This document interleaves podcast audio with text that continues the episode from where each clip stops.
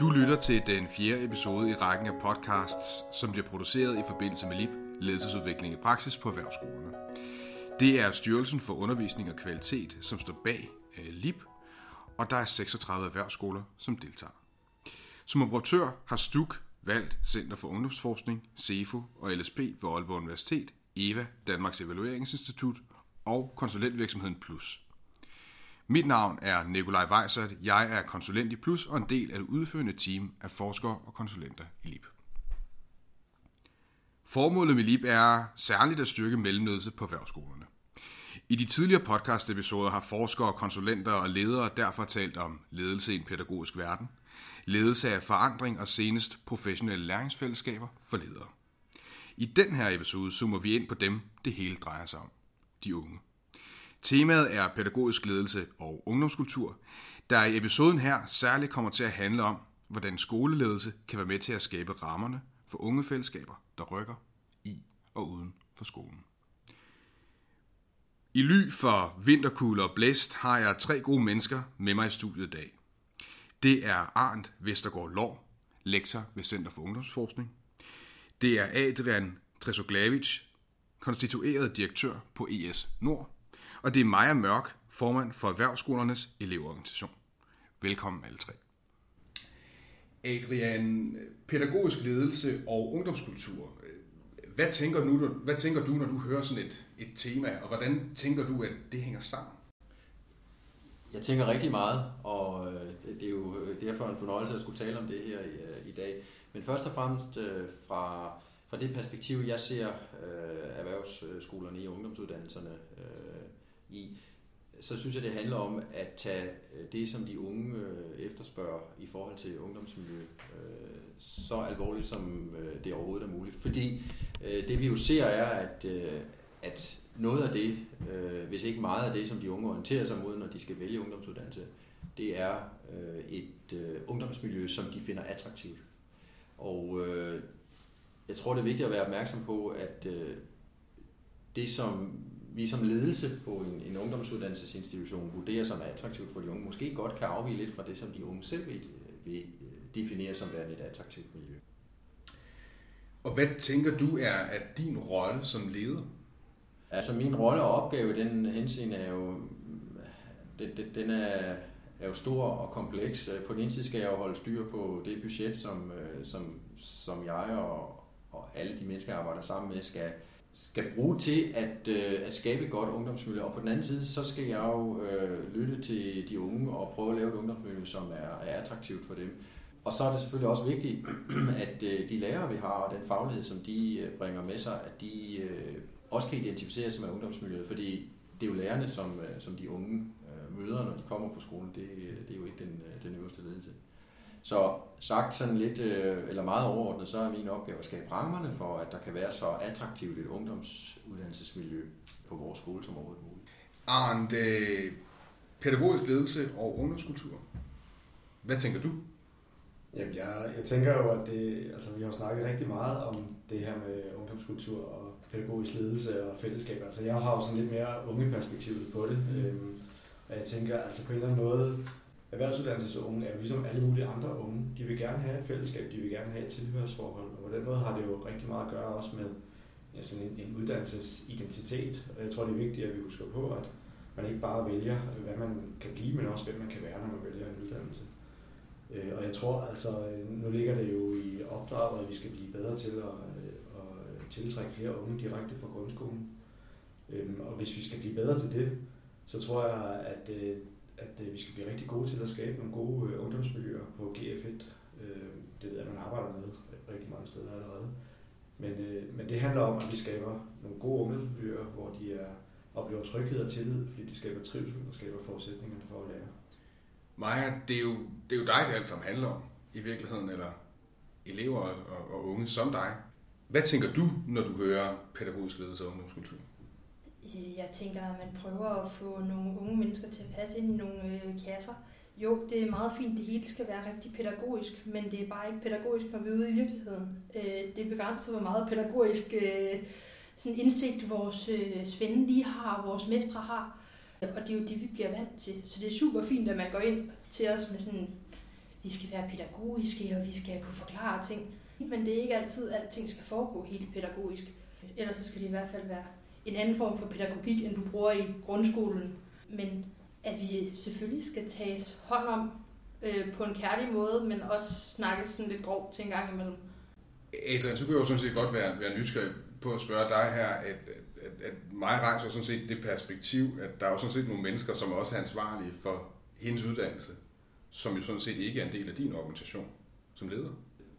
Det er jo sådan med valg her i livet, øh, at øh, der ofte er fordele og ulemper forbundet med, med dem. Og sådan er det jo også med vekseluddannelsesprincippet. Der er nogle store fordele øh, forbundet med, at, at elever som dig, Maja, kan veksle mellem at være på en skole og være ude i et praktikforløb.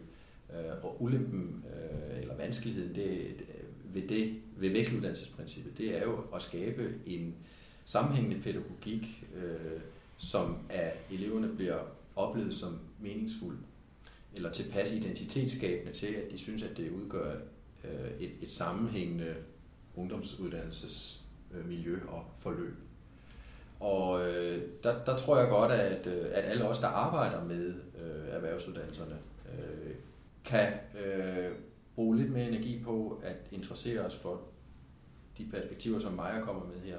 Fordi øh, det er jo vigtigt, at, øh, at de unges opfattelse af uddannelsesforløbene kommer til at ligge til grund også for den måde, de bliver struktureret på. Arne, hvis vi øh, nu tegner med de store penselstrøg, og du nævner selv det her med, at fællesskab er en af de ting, der, der går igen, når vi taler om, hvad der er vigtigt for, for unge. Øh, det er blandt andet noget af det, som, som du sætter ord på i det seneste vidensnotat og i den seneste ledelsesupdate i forhold til, at fællesskab er vigtigt for unges valg af uddannelse, deres motivation og deres trivsel. Hvis du nu helt orden skal sige noget om, unge og fællesskaber. Hvad ved vi så om, hvilke fællesskaber unge, man kan sige både i og uden for erhvervsuddannelserne, søger? Jeg tror ikke, at det er så øh, væsentligt forskelligt fra øh, de fællesskaber, som alle mulige andre øh, unge søger. Vi ved fra forskningen, at øh, fællesskaber er enormt vigtige for os alle sammen, men også for unge. Og der har været sådan en bekymring for, at øh, de unge vælger fællesskaberne fra. Det viser forskningen faktisk, at det gør de ikke. De er enormt optaget af have en fornemmelse for at høre til visse steder, og de arbejder mange, meget på de forskellige øh, fællesskaber, som de øh, synes, de er en del af familien, eller uddannelsen, eller vennerne, eller øh, hvor det nu ellers øh, øh, er, altså hvor de, hvor de befinder sig. Og så tror jeg, der er noget andet, som er vigtigt at få fat på, øh, også lidt lyser lidt mig at siger, at vi skal jo ikke bare skabe fællesskaber på erhvervsuddannelserne for at skabe nogle gode, sjove, sociale øh, arenaer, det faglige skal jo først, så på en eller anden måde skal vi jo arbejde med at få koblet det faglige og det sociale og fællesskaberne, så de giver mening i en erhvervsuddannelseskontekst. Maja, hvilke fællesskaber øh, søger du? Jeg søger faglige fællesskaber, steder, hvor øh, jeg kan få noget sådan sparring på, om hvad gør man lige, hvis den her flise gør sådan, og hvordan støber du dit gulv, så det bare bliver helt lækkert og sådan noget når jeg går ind i et fællesskab, særligt når det er forbundet med min skole, så bliver det øh, rigtig fagligt. Og ellers så er mine fællesskaber nok i min fagforening og i den organisation, jeg er formand for, fordi det bare er der mine interesser ligger. Udover det, så søger jeg fællesskaber med unge, der er ligesindede, som har lyst til at lære mig at kende, hvor jeg kan få noget personlig sparring. Øh, men det er rigtig svært for en skole at gå ind og lave et ungt fællesskab, hvor man kan få en masse sparring. Øh, man kan måske lave noget, hvor man kan få faglig sparring øh, og lære nogle andre mennesker at kende på nogle andre uddannelser. Men jeg tror ikke, man kan lave noget, hvor det kommer til at sørge for alt det, de unge har behov for. Og hvad er det, de unge har behov for her, som, som skolen ikke kan se ud, tænker øh, sparring på dig selv personligt med nogle mennesker, du ser op til nødvendigvis. Øh, øh, det er ikke sikkert, at man skal se op til dem, men nogen, man har lyst til at sammenligne sig med. Øh, og nogen, man har lyst til, skal gøre en til en bedre person. For man søger vel ret ofte hen mod nogle mennesker, der er lidt seje, eller så man kan lære noget. Altså få noget ud af de fællesskaber, man er i. Øh, og ikke bare, at man kan bruge al tiden på at drikke møl øh, og slappe af. Adrian, der er grænser for, hvad, hvad du kan gøre som en del af en skole for mig her, i forhold til, hvad hun måske i virkeligheden søger? Ja, sådan kan man jo godt øh, vælge at, at starte med at, at tænke om den opgave, man som, som i mit tilfælde øh, som, som, øh, som direktør har for en erhvervsskole. Men, men det tror jeg, det tror jeg man øh, kommer til at begrænse sig selv unødigt. Altså jeg tror, jeg tror opgaven her går ud på at øh, tage det, Maja siger, øh, og hendes øh, kammerater meget alvorligt. Og i hvert fald undersøge det perspektiv, som går ud på at antage, at det at opleve fællesskab er en, det er en emotionel størrelse, som bor inde i hver enkelt elev, øh, og som man må interessere sig meget for, øh, hvornår øh, er højt op på, på, på fællesskabsfølelsesbarometeret, og hvornår det ikke er højt nok op. Mm. Og derfor tror jeg, at det er rigtig vigtigt, at vi, udover at vi selvfølgelig har nogle helt nødvendige institutionelle rammer for vores ungdomsuddannelser, også øh, er bevidste om, at vi lever øh, i en tid, hvor hvor normerne for ungdomskultur måske rykker sig eller udvikler sig øh, i, et, i et hurtigere tempo end det, som vores institutionelle struktur øh, gør. Hvorfor det er vigtigt, at vi bruger ekstra tid på at være opmærksom på, hvor de udvikler sig hen, for at kunne flytte os med. Og øh, et, et væsentligt argument for, for, for at undersøge det synspunkt, synes jeg, at vi ser i, øh, i at øh, gymnasierne har stor succes med at øh, tiltrække øh, unge, fordi de åbenbart har noget i deres ungdomsuddannelseskultur, øh, som er attraktive for dem, og som vi, jeg synes, bør interessere os for.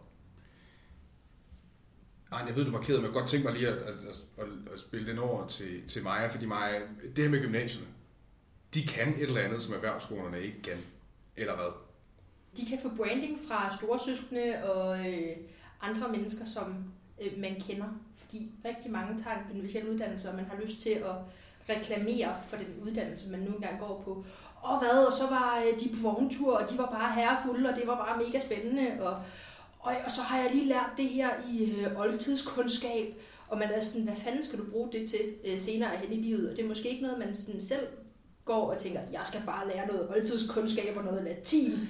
Øh, men der bliver bare snakket mere om, hvad der sker på gymnasierne, øh, og hvad du kan gøre, når du er færdig på gymnasiet, end hvad der sker på en erhvervsuddannelse. Fordi men hvis du ikke snakker med nogen, altså, så bliver det bare sådan normalt om, de går på arbejde. Det er bare sådan nogle mennesker, som lærer noget. Øh, så der er ikke den branding fra mennesker, der går der. Det handler nok også rigtig meget om, hvordan erhvervsskolerne ser ud. Fordi rigtig mange erhvervsskoleelever går ikke ind og siger, og min uddannelse er bare den bedste i verden, hvor hvis du går på en gymnasial uddannelse, så er det rigtig meget det, man siger. Og Arndt, det vil du gerne følge op på, tænker jeg.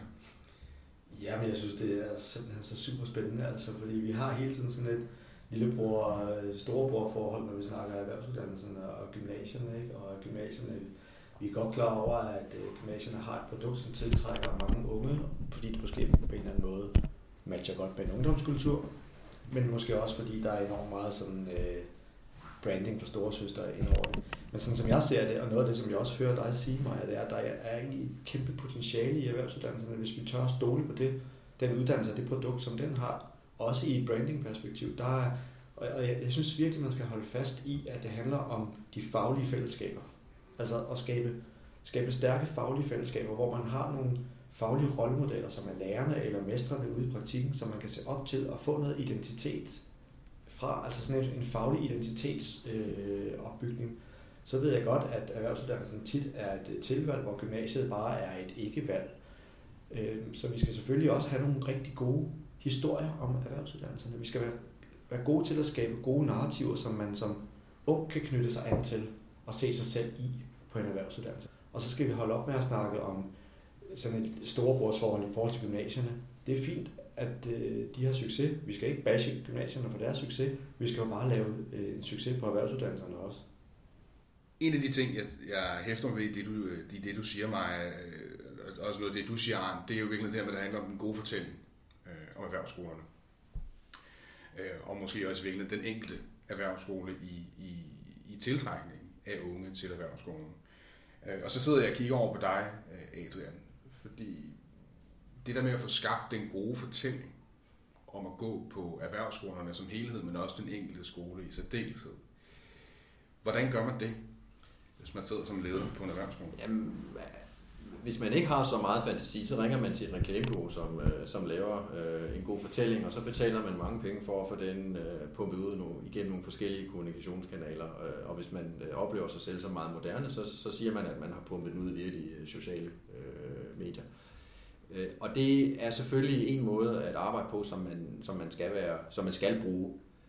Jeg tror, det er rigtig vigtigt, at de unge, som går på øh, ungdomsuddannelserne, øh, føler så stærkt for dem på en positiv måde, at de har lyst til at fortælle de gode historier. Og det var også det, jeg hørte mig sige før, at storesøster, der går på en gymnasial uddannelse, øh, er så glad for den, øh, at, øh, at hun fortæller om den. Og i og med, at der er så mange storesøster, der går på de gymnasiale uddannelser, så er der altså mange, der fortæller det. Så den udfordring, jeg synes, vi har øh, som øh, erhvervsuddannelsesinstitutioner, det er jo at, øh, at arbejde med at gøre de unge bevidste om, hvad det er for en stor kvalitet, der er i deres uddannelser. Øh, arbejde med at skabe øh, nogle positive oplevelser, som de helt uden øh, støtte fra sociale medier eller andre steder selv går ud og fortæller om, sådan så at de bliver storesøstre og storebrødre, der går ud og fortæller om, hvorfor det giver øh, rigtig god mening at gå på en erhvervsuddannelse.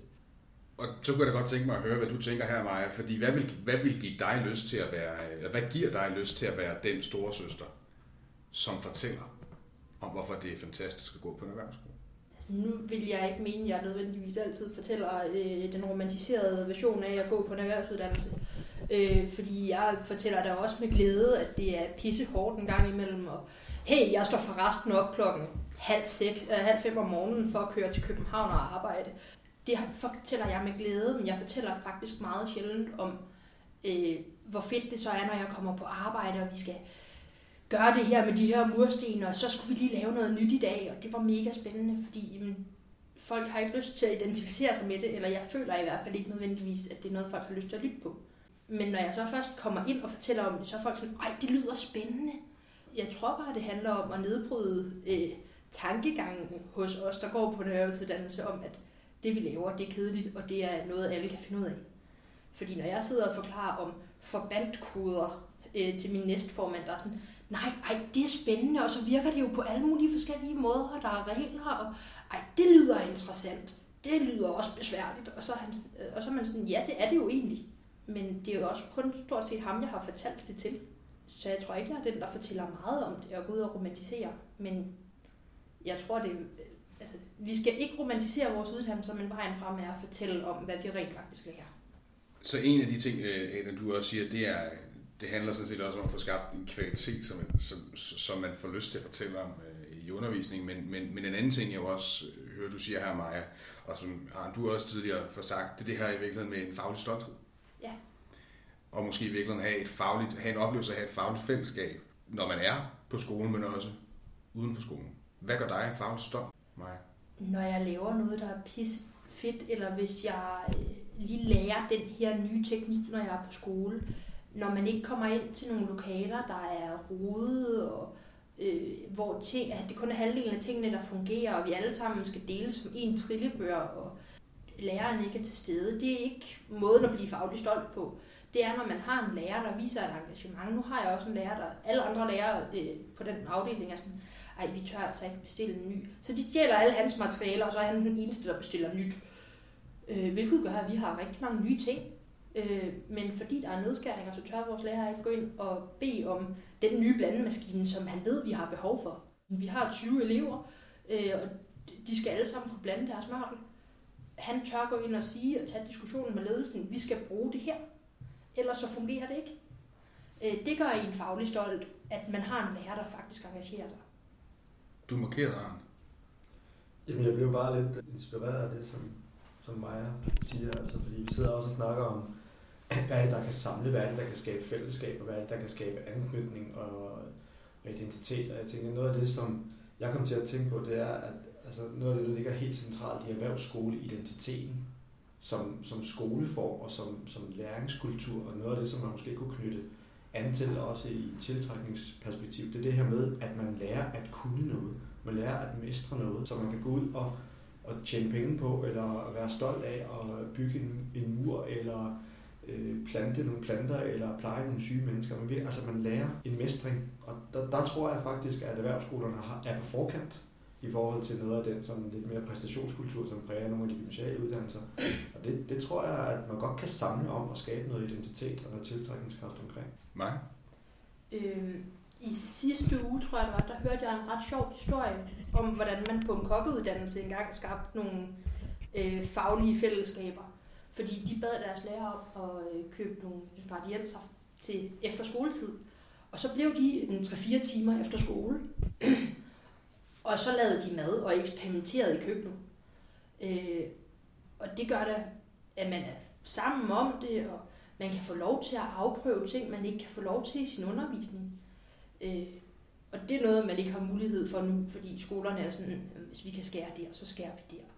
Øh, og der er kommet nogle lidt strækse regler. Øh, og det er ikke alle steder, man kan, og det er ikke alle uddannelser, hvor det kan ske.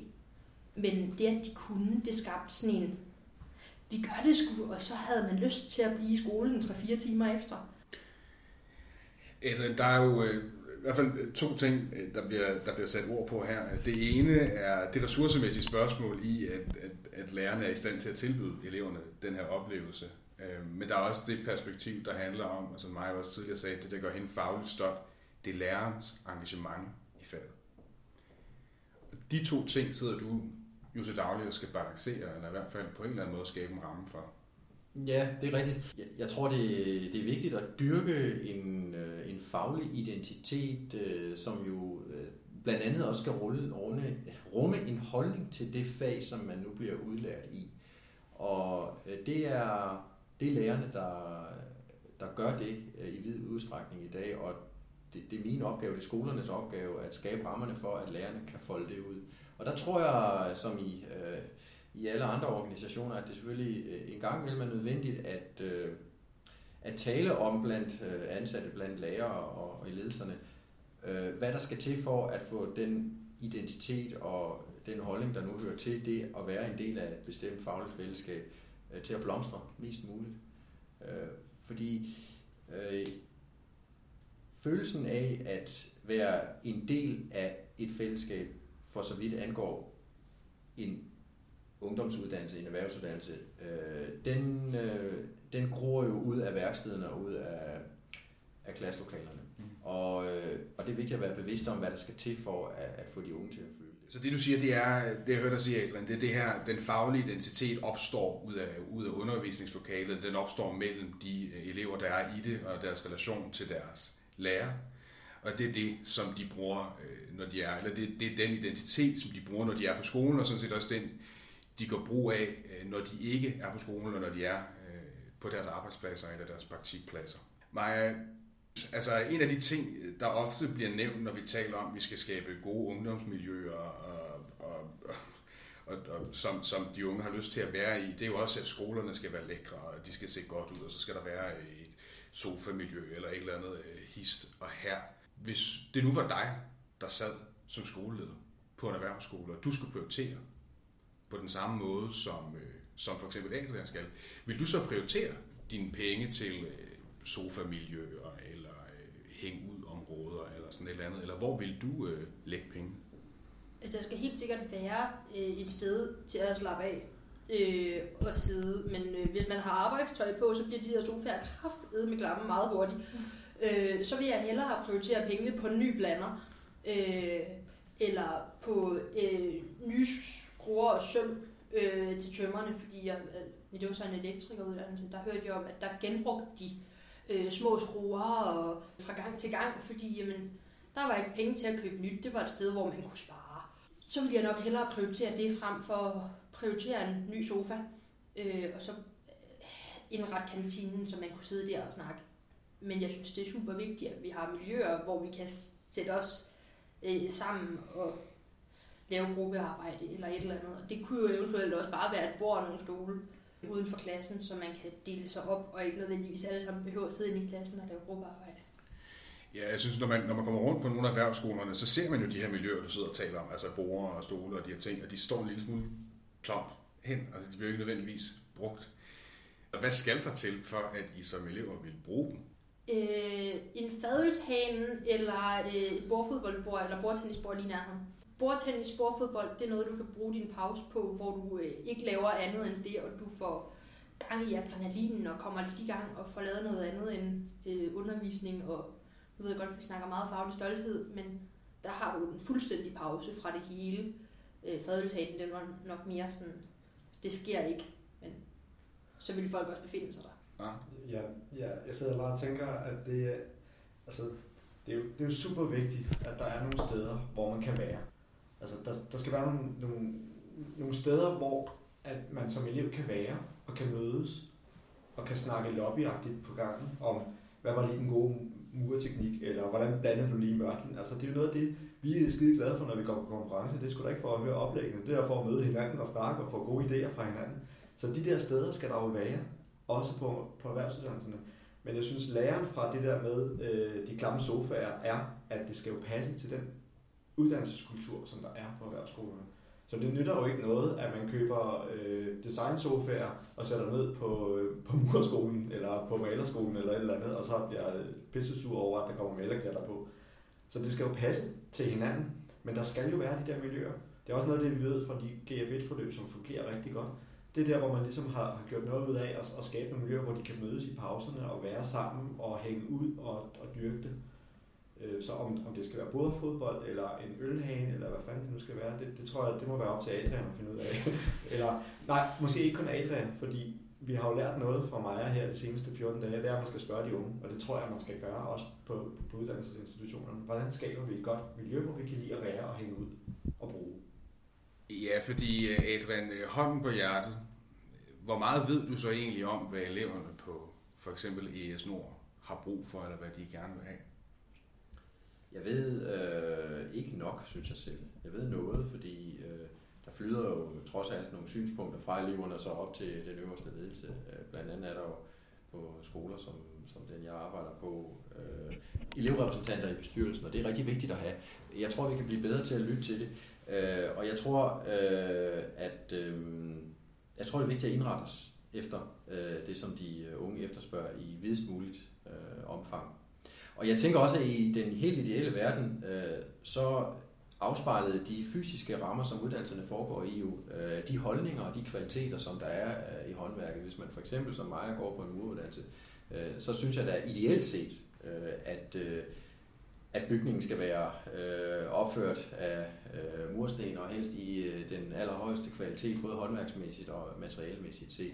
Det samme ideal kunne man godt lægge ned over en, øh, en, øh, sundhedsuddannelsesskole eller lignende. Og, og der, der, der ser jeg mange skoler, som har arbejdet med det og noget langt med det, og, og, og så er der også øh, nogen, der er knap så langt med det. Og nu kan sige, nu lever vi jo øh, jo så ikke i idealernes øh, verden, men, men jo i en verden, hvor en del skoler er givet nogle fysiske rammer, hvor der er grænser for, hvad man kan gøre ved dem. Og hvad gør man så? Så gør man øh, det, at man prioriterer at få kvalitet i undervisningen først og. Og, og dernæst prioriterer man så selvfølgelig at, at skabe nogle, øh, nogle, øh, nogle, nogle, nogle fysiske øh, udemiljøer eller indemiljøer, som gør, at de unge har mulighed for at, at, at dyrke et, et ungdomsfællesskab. Og, og der er ligesom Arne siger, at det er selvfølgelig vigtigt at tage hensyn til, øh, hvad det er for et, en arbejdskultur, der er det pågældende sted herunder, om man øh, Øh, går på gang med mørtel under skoene, hvorfor det ikke vil være hensigtsmæssigt med gulvtæpper eller lignende. Og, og der ligger så sådan en fysisk planlægning øh, opgave i, som konsekvens øh, af det. Og det koster penge, og det er der, hvor man som skole selvfølgelig skal prioritere sin, øh, sin indsats og balancere den, sådan så man får det bedst muligt ud af de øh, ressourcer, man har til rådighed. Maja, vil det, det motivere dig mere i, i undervisningen, øh, hvis værkstedet befandt sig i, i solidt murhåndværk. Ja, det til, tror jeg, jeg ville komme til at kigge for meget på, bygningen. Det ville da helt klart skabe en faglig stolthed og være sådan, og, og det der, øh, den der spidsbue, den er bare øh, lige skabet, øh, og så kunne ens lærer gå hen og være sådan, ja, det er så sådan en, I skal mure. Øh, bare en lidt mindre version. Øh, det ville skabe en, okay, jeg kan se den, jeg ved, den skal sådan der ud, øh, og en forståelse af, hvad du skal lave. Men oftest så ligger muruddannelsen jo så sammen med struktørerne, så tømmernes, og måske ligger malerne der også. Så har vi også bygget hele bygningen. Men hvis frisørerne så også er der, øh, så begynder vi at have problemer. Så jeg tror, noget af vejen fungerer det, noget af vejen fungerer det måske ikke helt med, øh, alting skal passe til det fag, der er på skolen. For så skal vi kun have et fag på hver skole. Men ideen om, at man kan se sit fag fysisk, er vel meget god, er den ikke det? Jo. Altså, og ideen om, at man faktisk godt, du siger selv, så har vi hele bygningen, fordi der, så har vi tømmerne og struktørerne, og altså, så skal det bare være bygning til frisører jo. Altså, jeg tror, der er meget at hente i det der med, at man kan se, man kan se sit fag også, rent fysisk. Jeg tror også, det handler, altså nu snakker vi faglig stolthed og inklusion og fællesskab. Jeg tror, noget vi ikke har snakket om, det er, hvordan man som skole møder nye elever. Og noget af det, vi snakker om på konferencerne, det der med, at man kan, man kan godt møde nye elever med sådan en, hvor man giver op, og her hvor du ikke det og ikke det.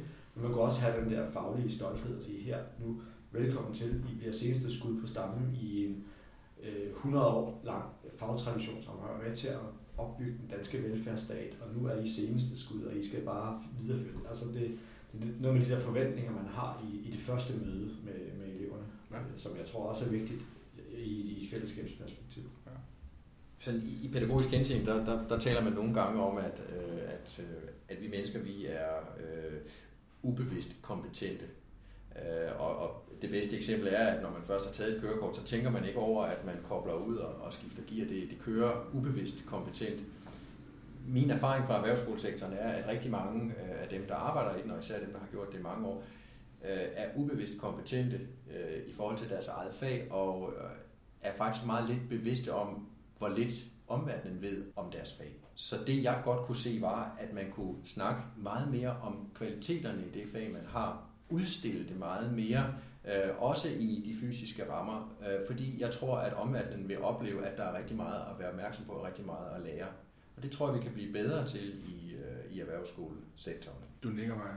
Jeg kom ind på en uddannelse, jeg havde bestemt mig for, at jeg skulle tage øh, ud fra, at jeg havde mødt en kvindelig mur. Så vidste jeg, at de lagde sten oven på hinanden. Eller sådan. Jeg vidste ikke engang, at det var modnet at sætte fliser op på væggen, da jeg valgte min uddannelse. Når man så kommer ind til en lærer, der øh, til dels øh, forventer, at man ved, hvad der sker, øh, og hvordan man blander en mørkel, og at man ved, hvad det er at pusse eller filse, øh, så kan man godt gå hen og være sådan lidt, øh, hej, øh, jeg kommer ud af en øh, pædagog- og frisørfamilie. Øh, kunne du øh, please forklare mig, hvad det der handler om? Så nogle gange har vi nogle lærere, der forventer, at de ved, Øh, at de elever, de får, ved noget, som de ikke nødvendigvis ved, for det er ikke noget, du lærer øh, fra folkeskolen af, og det er ikke noget, samfundet lærer dig. Og øh, vi vil gerne skabe fællesskaber, der rykker på de danske erhvervsskoler. Både i forhold til at tiltrække elever, men også i forhold til, at når de er på skolen, så rykker de sig også fagligt, og de trives. Hvis vi gerne vil det som erhvervsskoler, hvad er så det vigtigste spørgsmål, vi ikke har fået stillet os selv endnu? Jeg ved ikke, om jeg, jeg kan stille det vigtigste spørgsmål, som vi ikke har stillet. Men jeg, jeg tænker faktisk, at hvis vi skal kigge lidt positivt på tingene i krystalkuglen, så er der jo faktisk noget i de læringsforløb på erhvervsuddannelserne, og det er også noget af det, jeg var inde på før med mestringsoplevelser. Altså noget med, med, med det praktiske og det teoretiske, som går hånd i hånd på mange erhvervsuddannelser. Og det glemmer vi jo lidt, der er meget teori i øh, erhvervsuddannelsen, det sagde du også, der var. Og det rykker faktisk for de unge. De der praktiske læringsoplevelser er faktisk noget, der rykker for de unge, så det er egentlig lidt mærkeligt, at erhvervsuddannelserne ikke står stærkere. Så måske er det noget af det, vi skal slå rigtig meget på. Og jeg vil nok øh, synes, at det vigtigste spørgsmål øh, for os som institutioner, det er at, at spørge os selv, hvilke komponenter er det, der indgår i øh, oplevelsen af fællesskaber, der rykker? Og jeg ved ikke, om mit er et decideret spørgsmål, men tænker vi også selv for meget som en forretning? For jeg ville mene, at man skal se det mere som en institution, hvor du skal lære noget. Øh, og det skal ikke gå ud på at få elever ind, så vi kan øh, give alle de elever, arbejdsmarkedet har behov for til arbejdsmarkedet. Fordi så bliver det sådan en, jamen eleverne er bare et tal. Eleverne skal igennem, de skal være dygtige, de skal kunne det her, øh, og vi skal have så mange igennem, for at skolen kan løbe rundt. Så bliver det ikke særlig attraktivt at gå på en skole, så jeg tror, det er super vigtigt, at vi tænker eleverne som dem, der har lyst til at være her, skal vælge at være her. Men dem, der ikke har lyst til at være her, skal ikke tvinges til at komme her. Tak til dig, Arndt, til dig, Adrian, og til dig, Maja, for en øh, spændende og vigtig snak om pædagogisk ledelse, ungdomskultur og fællesskaber. Selv tak. Selv tak. Selv tak. Hvis du har en holdning til det, som vi har talt om i dag, så øh, giv din mening til kende på Lips LinkedIn-profil. Der kan du også lytte til de tre tidligere podcast-episoder. Du kan finde videoer, vidensnotater og ledelsesupdates fra nogle af de tidligere aktiviteter i LIP. Tak fordi du lyttede med.